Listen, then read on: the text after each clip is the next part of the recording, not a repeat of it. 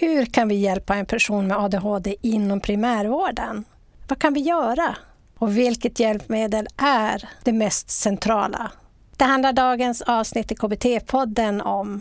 Podden som vänder sig till dig som vill bli en bättre behandlare i kognitiv beteendeterapi och till dig som jobbar som hjälpare på något sätt i någon verksamhet, skola, omsorg eller vården.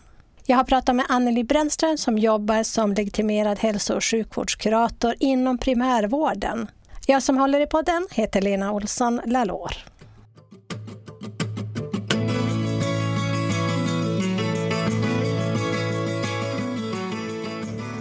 Välkommen till KBT-poddens avsnitt 272 med mig Lena Olsson Lalor. Vi har tagit oss in i november och vi är i del två om ämnet ADHD i fokus, praktiskt tillvägagångssätt för kuratorers kliniska arbete och bedömning just inom då primärvården.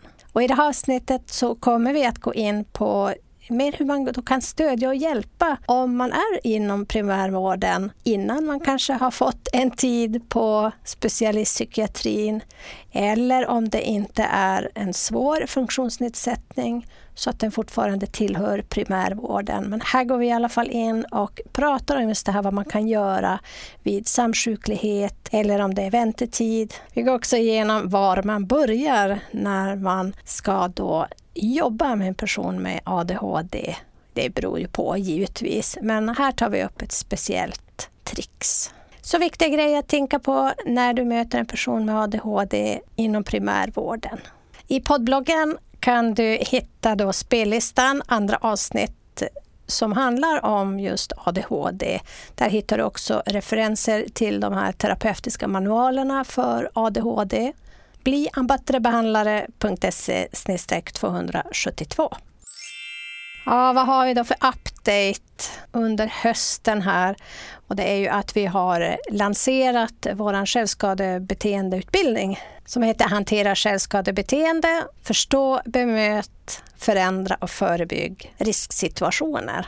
Och den kom ju från att vi blev anlitade att ha föreläsningar och handledning i samma. Det var någonting som jag tycker var viktigt att ha, inte bara handledning med personalen utan också få ge dem teori. Så jag tänker mig att teori och praktik är viktigt. Det går inte bara att ha praktiken heller, utan man måste ha lite teori också. Så då bäddade jag in föreläsning och handledning till de här personalgrupperna och boendena som vi jobbade åt. Så boendestödjare på LSS-boende. Och det är alltid kul att sen göra en onlineutbildning. Man har fått prova materialet eh, IRL så att säga. Det är inte riktigt samma sak att göra en onlineutbildning som en IRL-utbildning. Det skiljer sig ganska mycket. Men innehållet är ju detsamma. Och just nu gör vi detsamma med vår webbutbildning Lågaffektivt bemötande. Hantera och förebygg utmanande beteenden.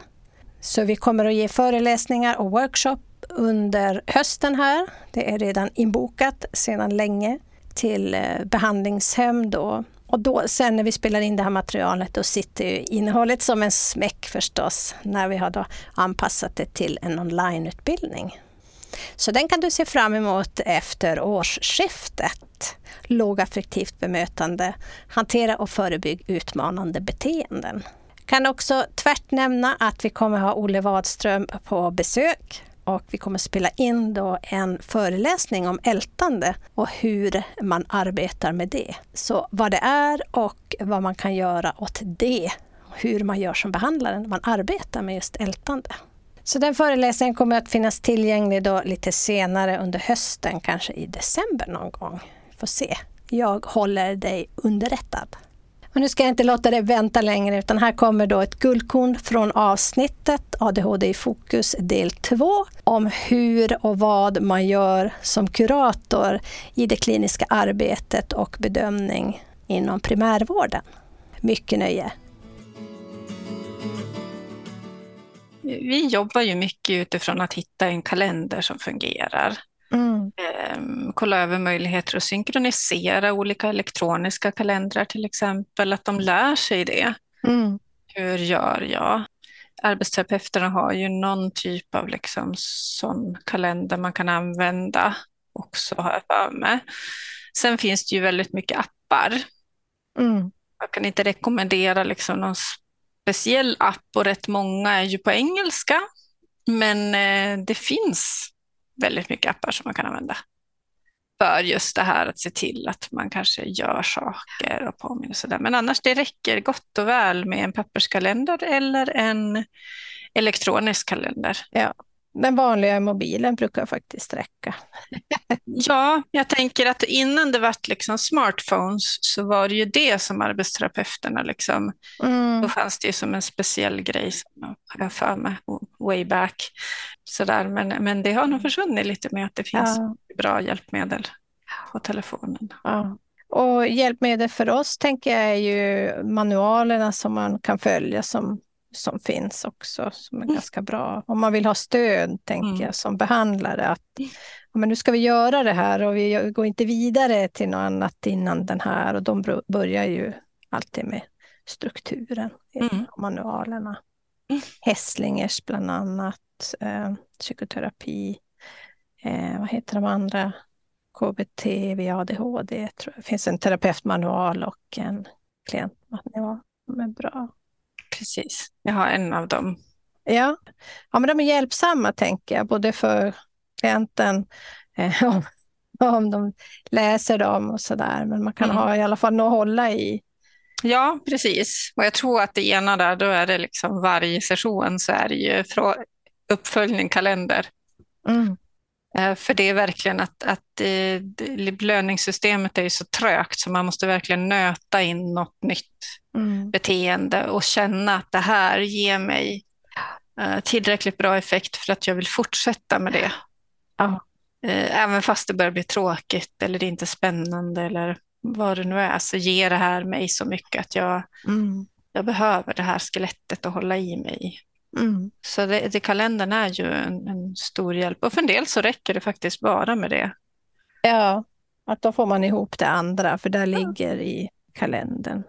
Och det, kan man, det kan jag känna, det är verkligen en primärvårdspatient liksom som, mm. med, med, några få liksom så här knuffningar åt rätt håll eller liksom mindre behandlings sessioner som inte är så omfattande heller. För det kan man också tänka på att en patient av den här typen kanske inte orkar hålla uppmärksamheten 45 minuter. Där kanske man ska ha kortare samtal också.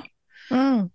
Eh, och inte helt fel heller för att vi ska orka med de som är väldigt liksom, gränsöverskridande och har svårt att få stopp. Att då håller man verkligen, vi har 30 minuter, det är det här vi ska göra. Mm. Så det kan man också tänka på. Ja, det var allt vi hade att bjuda på idag. Vi tackar Anneli så jättemycket för denna kunskap som är ovärderlig när det kommer till det här praktiska arbetet för oss behandlare. Vi kan läsa oss till väldigt mycket, men den här praktiska resursen är fantastisk. Och du som vill lyssna på hela avsnittet går in och köper dig en prenumeration på bliambattrebehandlare.se 272. Men oavsett om du vill köpa en prenumeration eller inte så kan du ta del av poddbloggen förstås på hemsidan och där ligger alla boktitlar, referenser och spellistan då till andra avsnitt om just ADHD om du vill fördjupa dig ännu mer. Bli abattrebehandlare.se 272.